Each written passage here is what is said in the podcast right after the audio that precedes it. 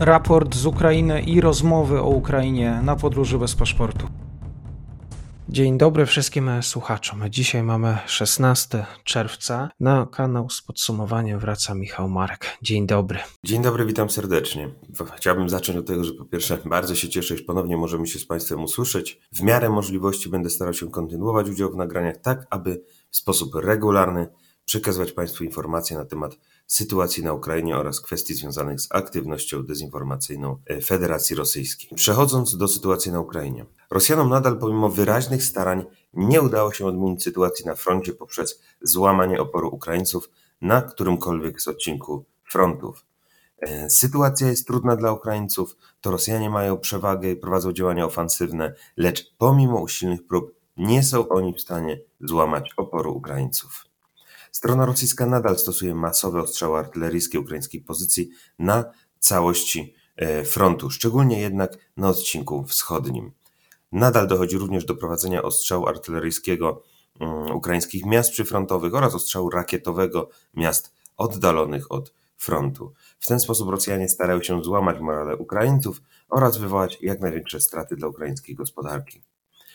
Na północy Ukraińcy starają się prowadzić działania ofensywne, lecz ogólna sytuacja wskazuje na to, iż front na tym odcinku się e, ustabilizował. Jest to zjawisko tyle pozytywne, iż świadczy o tym, że Rosjanie nie dysponują siłami zdolnymi do wykonania uderzenia na tym odcinku. E, podobnie sytuacja wygląda na południu, e, w obwodzie hersońskim. Tutaj również Rosjanie nie są w stanie zbliżyć się do Krzywego Rogu ani do Mikołajowa. E, z południa dochodzą do nas jednak informacje wskazujące na trwającą e, ofensywę Ukraińców, która jednak jest e, również skutecznie blokowana przez Rosjan.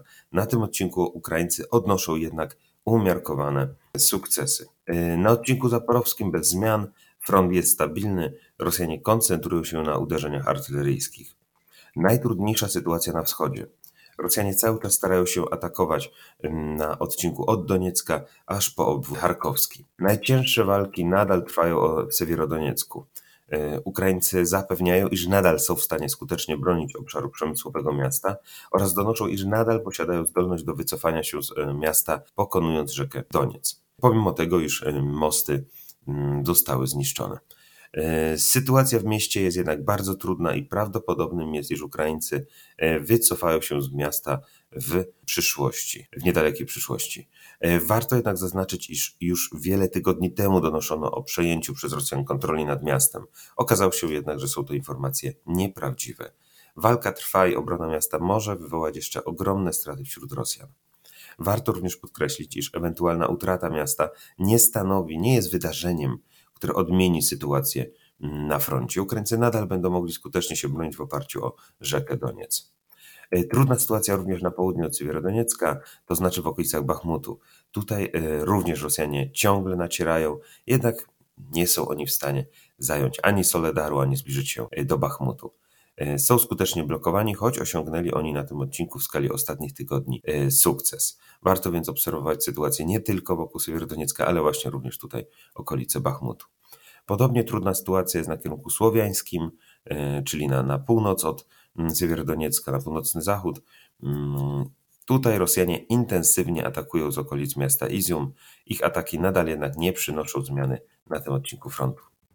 Sytuacja na froncie wygląda na stabilną, pomimo toczących się intensywnych walk.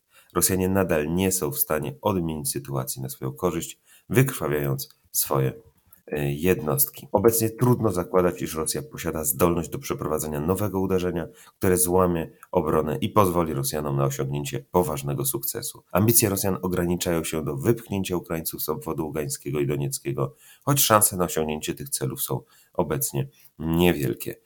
E, Ukraińcy również ponoszą poważne straty, lecz mogą liczyć na kolejne transze nowoczesnego sprzętu otrzymywanego w ramach pomocy z Zachodu.